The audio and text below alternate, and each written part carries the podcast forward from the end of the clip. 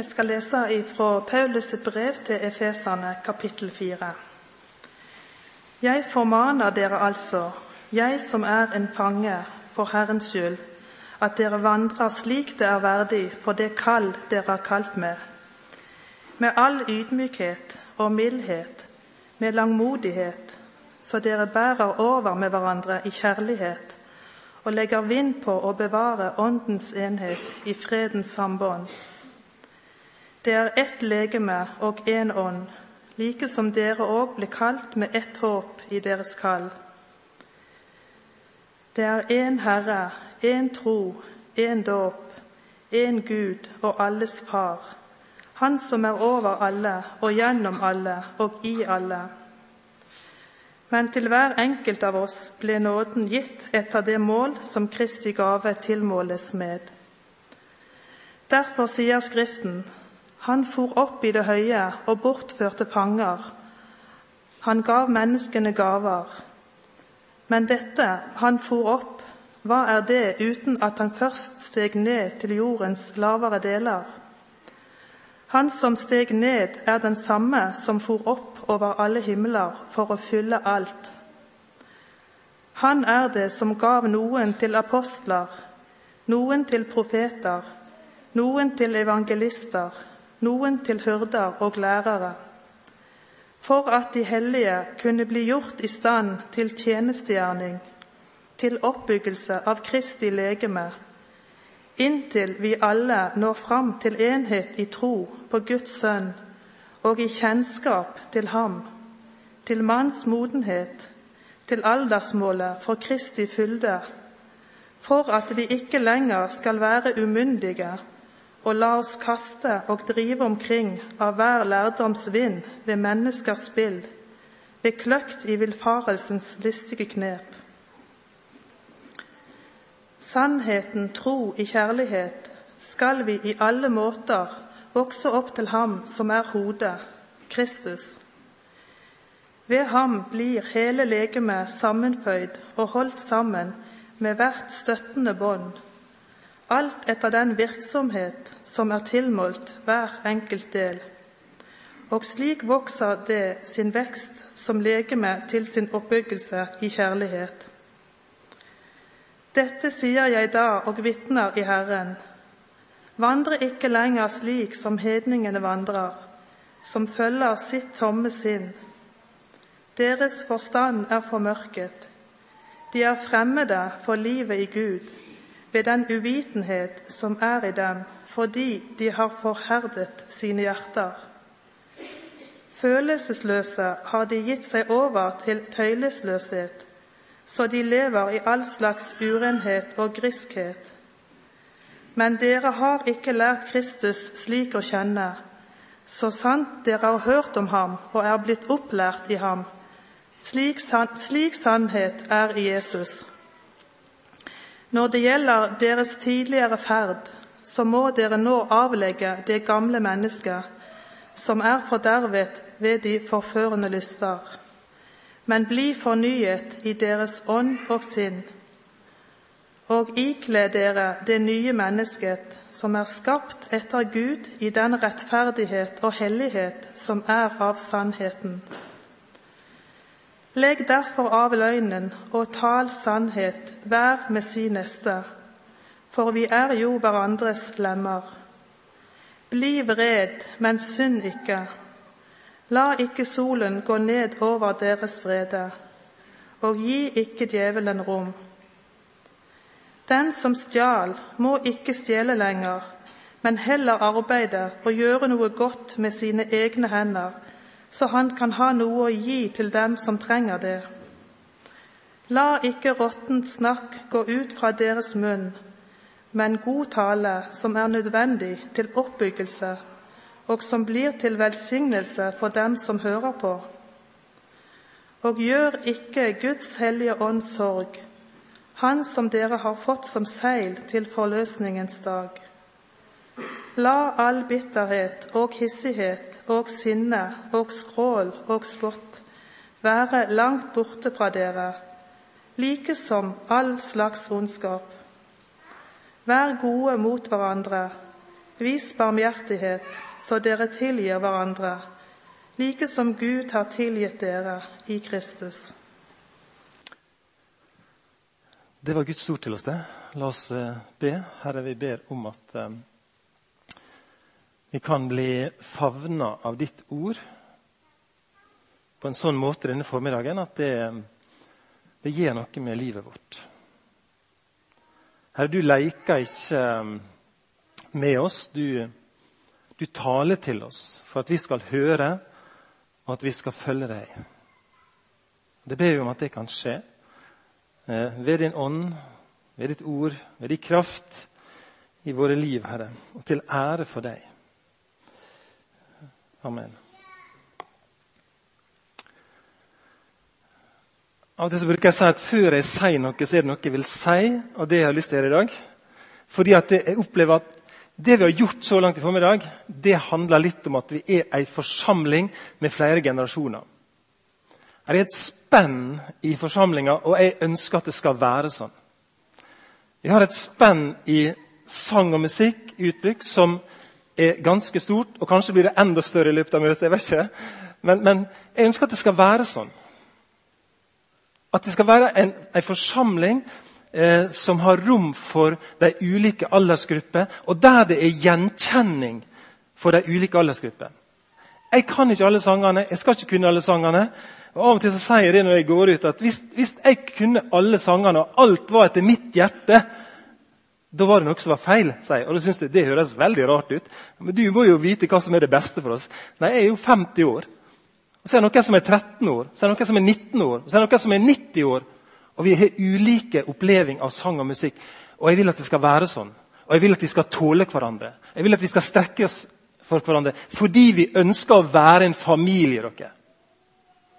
Og Det er utrolig rikdom tenker jeg, å få lov å være en familie med ulike generasjoner. Um, og så skal vi være en heim for alle dem. Og Det er krevende, ja. Vi må strekke oss. Og Samtidig så er det så verdifullt. Den dagen det er tomt for unge mennesker i et forsamlingslokale, så er det ikke lenge før det dør. Det skal vi vite. Derfor synes jeg det er fantastisk det dere gjør. Spennende det dere gjør med Soul Children. Og dere skal lære dem om Jesus, sa du, Livanne. Og Det er det vi skal snakke om i dag. For det å bli kjent med Jesus det fører til noe i livet vårt. Derfor er det kjempehåp for den eh, unge jenteflokken som sto bakpå her, og forhåpentligvis flere gutter etter hvert, eh, gjennom det de holder på med. Og den gjengen som er på radet nå, som hører om Jesus, 115 ungdommer som, som, får høre om Jesus, som skal leve et liv for han i hverdagen, det er så håpefullt og det er så bra. Nå skal jeg prøve å si noe om Efeserbrevet 4 på ca. 30 minutter. Cirka det, bare sånn at dere er klar over det. Dere synes at oi, det var veldig lenge. Og Hvis dere syns det er lenge, så var det utdelt Efeserbrev. Dere kan sette dere ned og lese gjennom Efeserbrevet når dere drikker som dette. hvis dere synes det ble for lenge. Men jeg skal bruke ca. 30 minutter på å si noe om et bilde og en tanke som jeg har ut ifra dette kapitlet. Eh, og det er umulig å si alt. Og heldigvis skal jeg slippe det. Men du kan få lov å lese sjøl. Og du kan få lov å sette deg ned hver dag og be om at Gud vis meg noe fra ditt ord. La meg få del i noe fra ditt ord når jeg leser det. Og han vil åpenbare seg for deg. Det har jeg lyst til bare å tilskynde og heie fram. Jeg starta i vers 4 fordi at det verset sier noe om eh, noe som har skjedd denne vika som har vært litt underlig, og som har gjort inntrykk på meg. Vers 4. Det er ett legeme og én ånd like som dere òg ble kalt med ett håp i deres kall. Jeg har lyst til bare å si noe om det innledningsvis. Fordi det står der er ett håp. Vi har fått del i et håp som kristne. Det er to opplevelser denne vika her som eh, har gjort noe inni meg. På onsdag var jeg på teateret. Jeg skal ikke si hvem jeg var sammen med, men jeg sitter noen i salen her. Og så forestillinga av Kai Munch som heter Ordet kampen mellom grundtvikianerne og indremisjonsfolket som ble eh, framstilt med spenninger, og som til slutt førte til, til at de, de, de, på en måte rekte fram handa. Det var forsoning eh, imellom dem. Men det som var det sterkeste, var jo det at hun Inger eh, hun døde. Og Så var det en diskusjon fram og tilbake om er det, er, altså, er det mulig å, tro på helbredelse. Er det mulig å tro på under? Det var jo det stykket gikk ut på en del. da. Og så ser vi da, helt i siste scene, så ligger Inger på en benk der på denne lille scenen. Veldig veldig intimt. Eh, 100 mennesker tett innpå. Og så røyser hun seg opp. Inger kommer tilbake til livet. Utrolig sterkt og litt uvanlig, og samtidig Ja, dette tror jeg på. Jeg tror på underet. Jeg tror at det er en oppstandelse. Dagen etterpå så setter jeg meg på flyet og reiser til Trøndelag i lag med fire andre fra Betlehem. Og skal være med i en begravelse.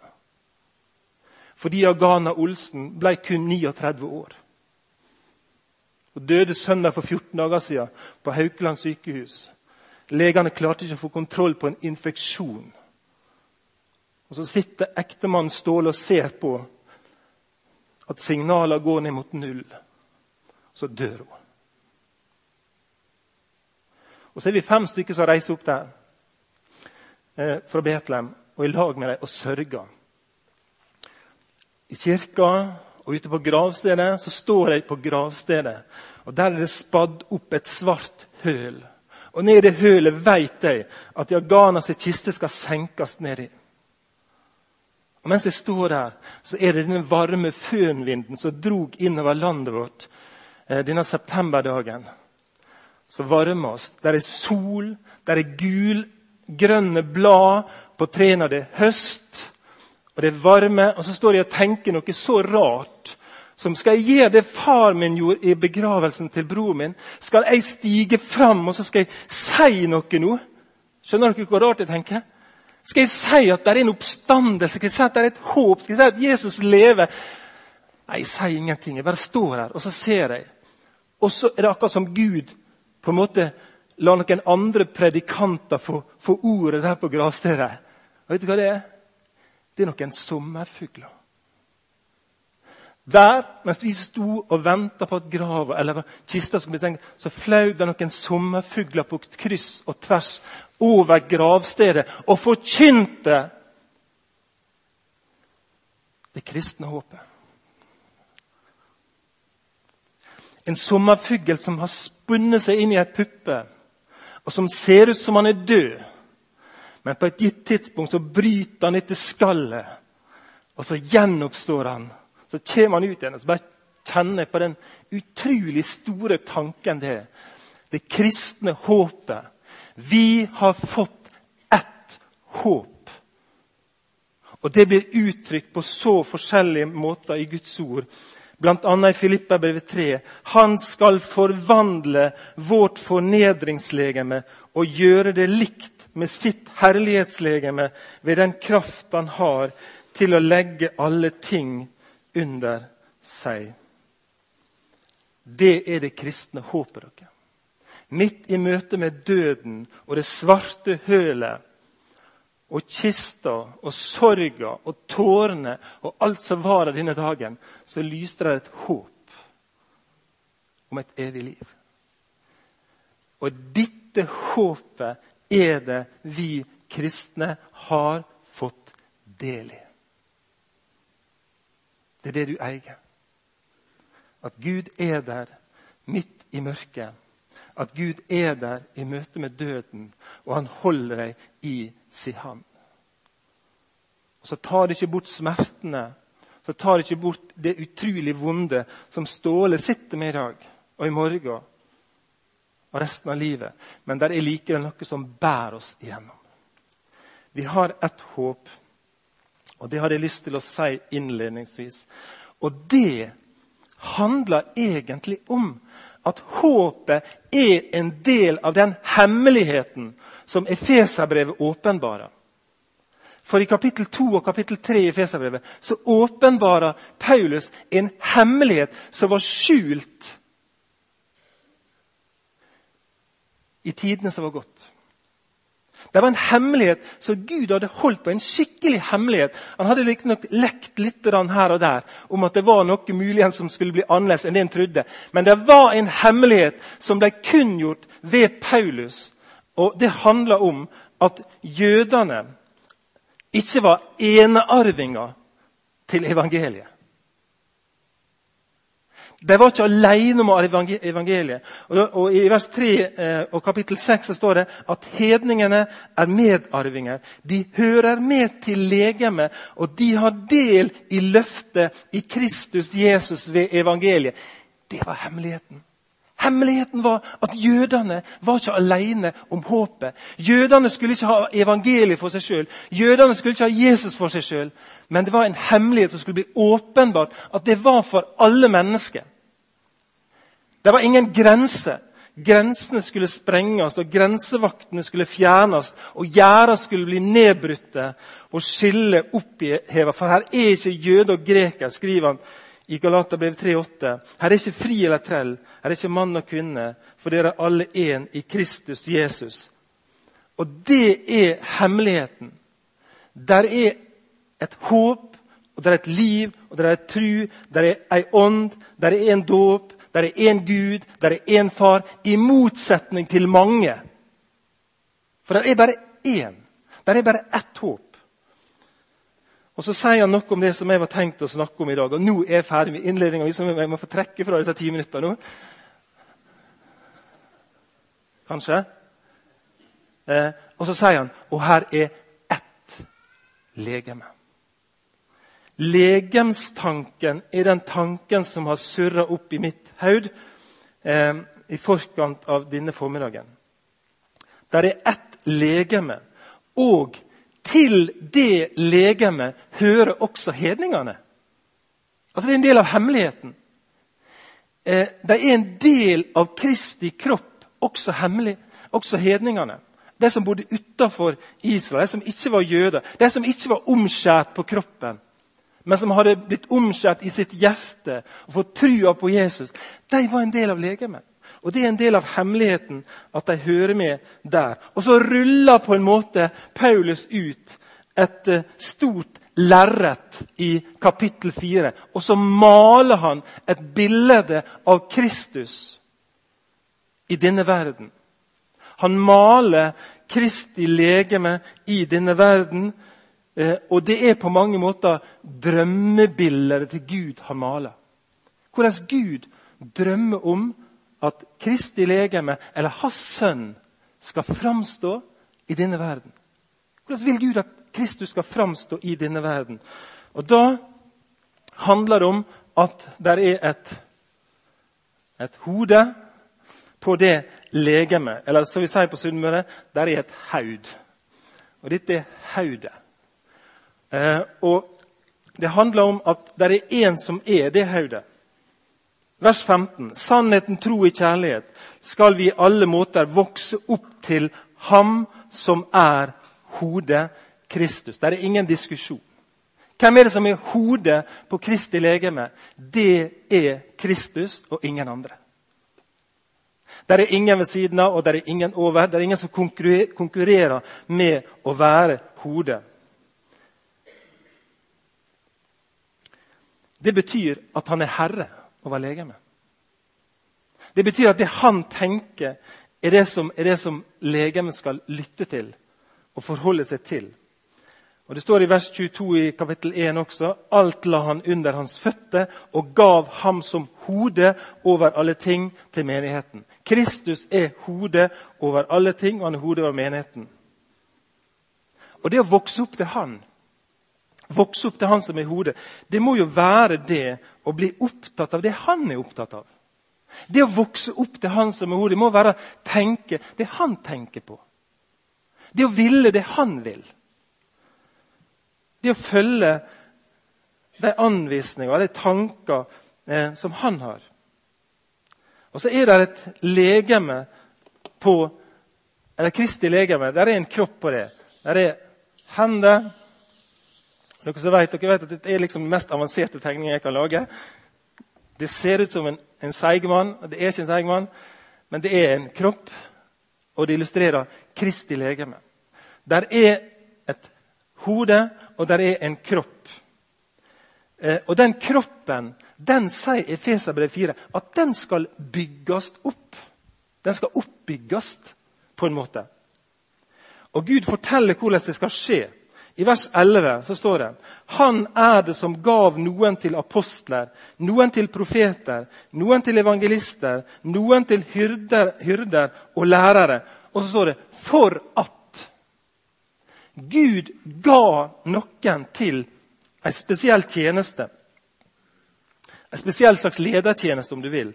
Som apostler, profeter, evangelister, hyrder og lærere. For at og Så kommer det to sånne for-at-vers i, i, dette kapitlet. For at de hellige kunne bli gjort i stand til tjenestegjerning, til oppbyggelse av Kristi legeme. Hør. Hvordan tenker Gud at legemet skal bli bygd opp? Hvordan skal han bygge dette legemet? Jo, ved å sette noen som har en funksjon, til å gjøre andre i stand til å tjene. Og Det kan hende det kan høres som hovmodstanker, men jeg tror ikke det er det. da. Men det at det blir forkynt fra denne talerstolen i dag, det handler nettopp om å hjelpe deg til å komme i tjeneste. Det handler om å sette mennesket i stand til å tjene. Og det er det viktige. Apostler, profeter, lærere, hyrder, evangelister i seg sjøl er ikke målet. Men målet er at de skal hjelpe de hellige til å komme i tjeneste til å bruke det Gud har gitt deg, det Gud har gitt den enkelte, og sette i stand. I gamle dager så snakket de om oppbyggelsesmøte på bedehuset. Og Det er et godt ord. For det handler om å, å bli oppbygd. Eh, å bli oppbygd i sin tru og det å bygge opp Kristi legeme. Men så tenker jeg, det handler ikke bare om at jeg skal bli oppbygd for min egen del. Det handler om å bli oppbygd for å bli utrusta til å tjene. Oppbyggelse og utrustningstjeneste der lemma kommer i funksjon, det er målet. Og Det kunne vi sagt utrolig mye om. Men det er derfor Gud har satt noen med spesielle gaver til det. For å utruste de hellige, for at du skal komme i funksjon med dine gaver og det du har. For du har noe som du kan tjene med. Jeg tror det er sånn at enhver kristen har minst én nådegave. Og vi skal tjene hverandre med den. Vi skal tjene hverandre med den gave vi har fått. Og du skal være forvalter over det du har fått. Eh, og I 1. Korinterbrev 12 så står det noe om fristelsene rundt akkurat det. Vi kan bli frista både til mismot og til hovmod. Det er sikkert snakket om 100 ganger også i Betlehem.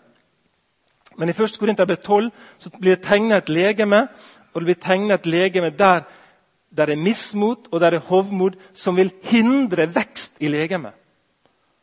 Og Hovmodet det handler om det som står i 1. Korinterbrev 15. Om foten skulle si, fordi jeg ikke er hånd, hører jeg ikke med til legemet, så hører det like fullt med til legemet. Det handler om mismotet. Hvis jeg sa hovmod, så var det feil. Mismotet sier fordi jeg ikke er det, så hører jeg ikke med det er mismot.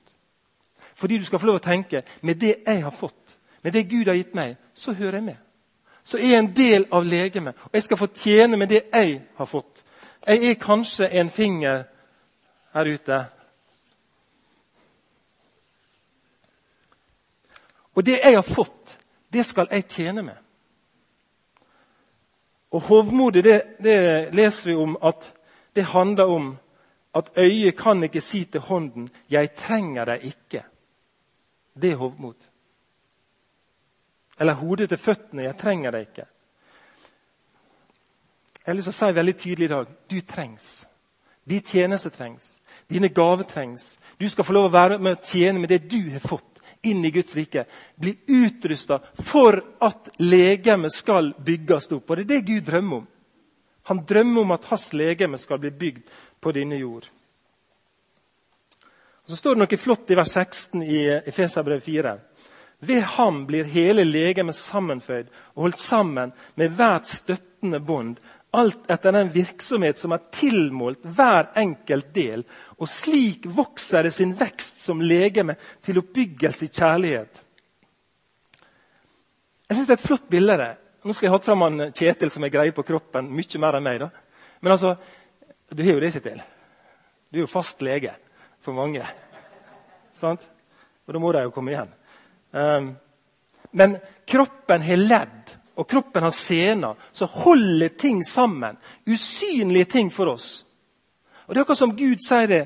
Um, det er ikke bare det synlige som er viktig i et legeme, men det usynlige som holder ting sammen, som gjør at det fungerer. Ethvert støttende bånd, står det. Jeg syns det er et flott uttrykk. For jeg tror at mange av dere er sånne støttende bånd. Som holder ting sammen. Som er med å be for de som er på leir nå. Som holder ting sammen ved å tale vel om eh, de som har lederansvar. Ved å tale vel om andre kristne. Så er du med å holde legemet sammen. Du er med å være et sånn støttende bånd. Gud har gitt deg oppgave nettopp i det. Å ha ei skjult tjeneste. Oppmuntre lederne på søndagsskolen eller YA. Gi dem skikkelig oppmuntring, såpass de kjenner det. Og du er med på å holde legemet sammen. Slik vil han bygge sin kropp. Ved å utruste og ved at det er noen støttende bånd som holder dette sammen, som gjør at det vokser. Og Så kommer det et nytt forrat. Jeg skal bare kort kommentere det. Fordi eh, Han sier videre eh, for at altså Profetene, og apostlene, og evangelistene og lærerne hyrderne, de har en oppgave for at vi ikke lenger skal være umyndige og la oss kaste og drive omkring av hver lærdomsvind ved menneskers spill, ved kløkt Unnskyld, ved kløkt i villfarelsens listige grep. Det, var, det, det, er litt sånn tungt, dette her, men, men, det det handler om, da, det er at det er gitt noen å skulle forkynne og utruste slik at vi skal bli myndige. Når du er umyndig, så er det per definisjon å være barn. Når du er voksen, da er du myndig. Og I, Norge er det 18 år eh, for, å, for, å, bli myndig. sant? Og i forhold til lærdomsvær så skal vi være myndige og faste. Det står ikke i motsetning til at vi skal være som barn i forhold til Gud. Men i forhold til lære og det å stå trygt i forhold til å tro på noe, så skal vi være modne, myndige, voksne. Og ikke la oss lure av et spill som foregår, som vil dra oss vekk ifra trua vår. For det foregår et spill hele veien. Um, og noen, bruker, noen fortolkere bruker faktisk ordet terningsspill i denne teksten. her. Eh, Yatzy det, er, det er noe alle vet hva det er for noe. Og det går an å bli verdensmester i yatzy. Han gjør det. Eller kanskje. Eller i ludo, for den del. Jeg vet ikke hva det er. Judo, ludo? Ja, det er ludo. Eh, men det er vanskelig å bli verdensmester to år på rad i yatzy. Er ikke det? Det er kjempevanskelig. Er det mulig? Det er så mye flaks. Altså, Jeg kasta terninger, og så ah, Hatt en femmer, så fikk jeg en treer. Og Det er det, det Paulus sier. Dere må ikke la dere lure til å bli offer for tilfeldigheter. Som et spill i forhold til lære, der dere blir ført vill av det lærdomsverdet, det spillet som foregår. Som en terning blir kasta, og som viser et tilfeldig tall. Og da går vi dit. Og da går vi dit. Og så går vi Nei, bli faste, sier han. Og for å bli faste og myndige så har Gud gitt oss noen som skal undervise oss i Guds ord. For å bli stående. Og Derfor er det så, så viktig, det vi gjør i dag. Det er så viktig å være der Guds ord blir forkynt. Det er så viktig å høre det og lese det og bli stående grunnfesta. Det var noen ungdommer på dere alder nå, nå skal jeg snakke til soul-jentene. Det var noen ungdommer som var på leir for et par uker siden. Ja, de var litt yngre, faktisk. det stemmer. Og, og, Da var det noen som sa etter den leiren Hør hva de sa. De var på radioturet. Og så sa de etter leiren sa de, nå vet jeg mer hva jeg tror på. Og Jeg kjente at når Lisbeth fortalte meg det, at noen ungdommer Femte til sjuende klasse. Ok, De er litt yngre enn dere. De er veldig mye yngre enn dere. Eh, men når de sier 'nå vet jeg hva jeg tror på', så kjenner jeg at jeg blir så utrolig glad. For Det handler om en modningsprosess i det å vite hva jeg tror på, hvor jeg står hen. Og Derfor har Gud satt noen i menigheten for at du og jeg skal bli myndige. For at vi skal ha et immunforsvar imot alt mulig som blåser inn fra sidene for å få oss vekk fra Jesus.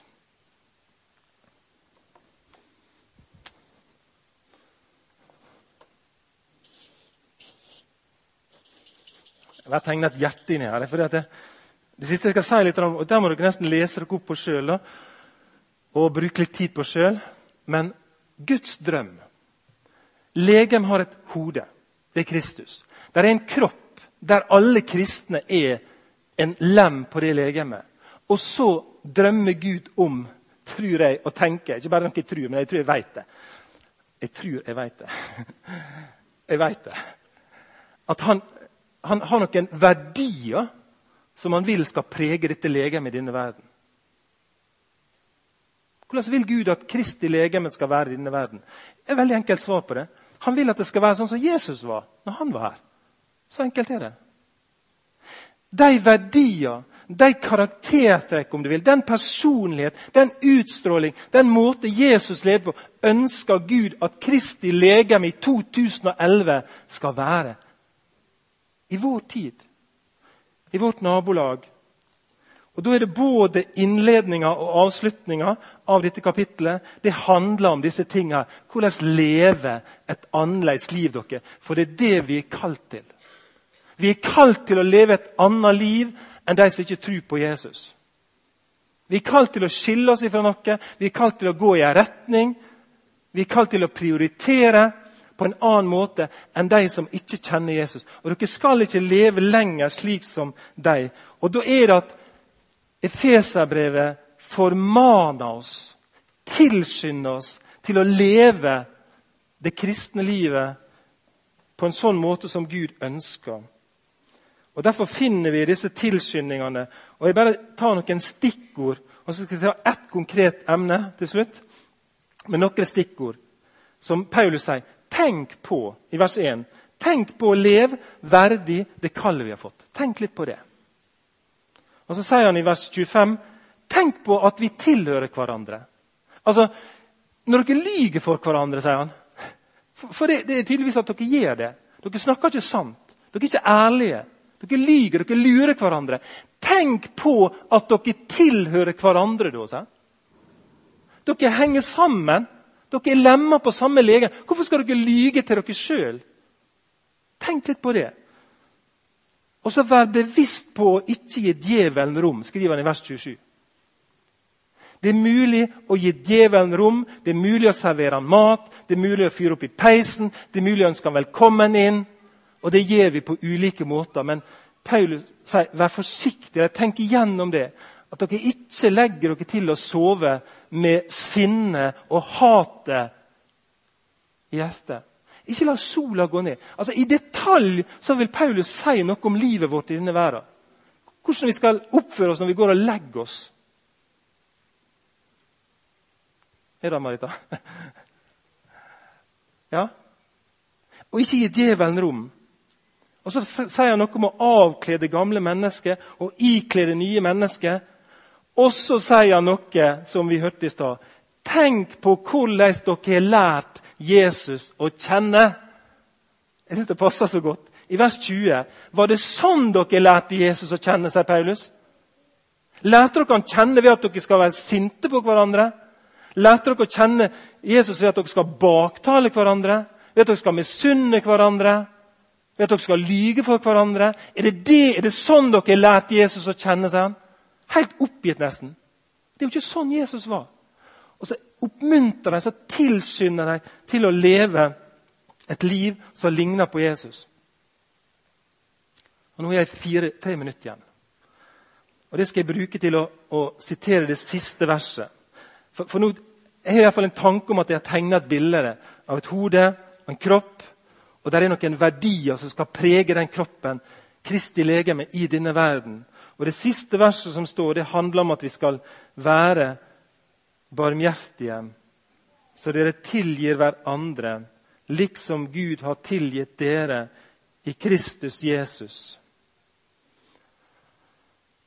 Jeg vet at jeg har sagt dette mange ganger før, men jeg tror at det er stor sannsynlighet for at noen i dette rommet kan gå til sengs i kveld med utilgivelighet. Jeg tror at det kan være sånn. Jeg tror at det er stor sannsynlighet for at vi kan avslutte dagen i dag på den måten vi avslutta den i går, ved at jeg ikke vil tilgi. Tilgi noen som har noe imot meg. Tilgivelsens kraft, dere. Og tilgivelsens eller utilgivelighetens negative kraft er så svær at djevelen stortrives i det. Og det å ikke tilgi Det er å gi djevelen rom. Det høres kanskje veldig skarpt ut, men hva annet er det? Hvis ikke det er det. Det å ikke ville tilgi, det å ikke la Kristi kjærlighet og Kristi tilgivelse, som vi har fått del i Hvis ikke jeg skal gi det videre, hva er det da hvis ikke det er å gi rom til djevelen? Og Paulus visste noe om det.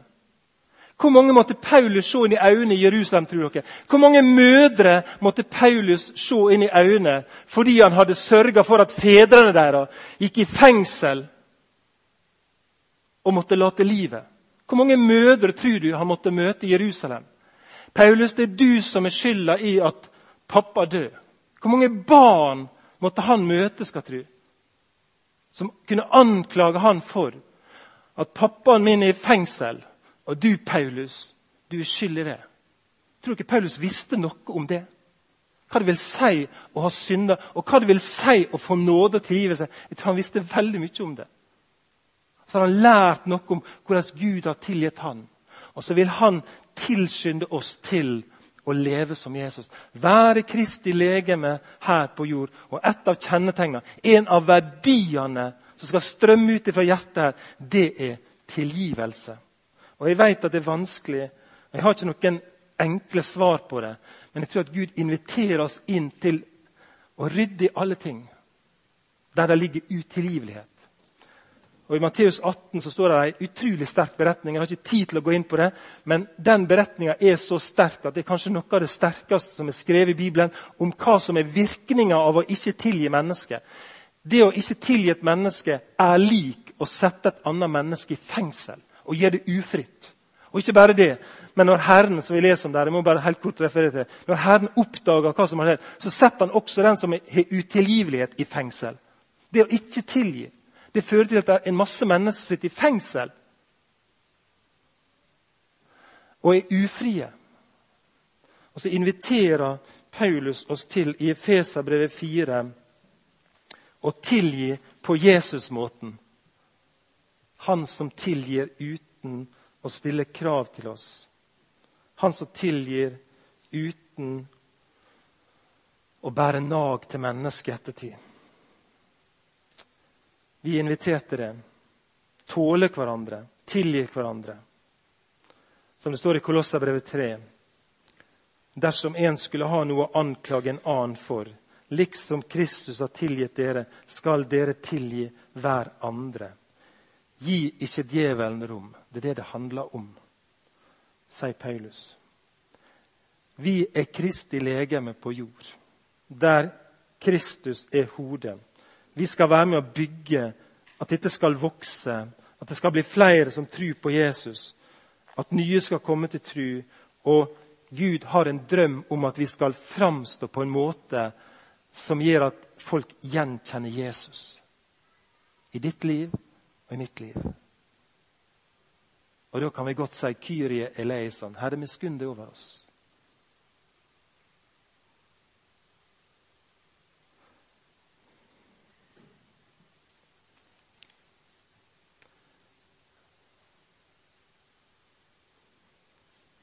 Herre, jeg ber om det.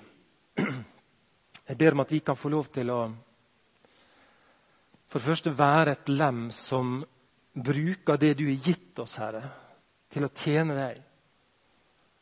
Og de som har ansvar Herre, til å utruste andre, vil du gi dem og få lov å gjøre det med iver, Herre. Med klokskap, med visdom ifra deg, slik at nye blir satt i tjeneste og kan være med å bygge dette legemet på jord. Så du drømmer om skal bli større og større, at flere må bli kjent med deg, Jesus. Og hjelp oss slik at ikke vi framstår på en måte som gir Kristi legeme et dårlig rykte eller et falskt bilde av hvem du er, fordi vi ikke gjør sånn som vi har lært deg å kjenne. Kanskje vi gjør det motsatte. Her vil du tale til oss om dette. At ikke vi bare tar lett på det, men at du gjør noe med livet vårt, slik at vi kan be Herre og var er Jesus mer deg lik? Vi ønsker det. Velsign fortsatt denne formiddagen og våre liv, at det blir til ære for deg. Og til framgang og oppbyggelse for ditt legeme her på jord. Amen.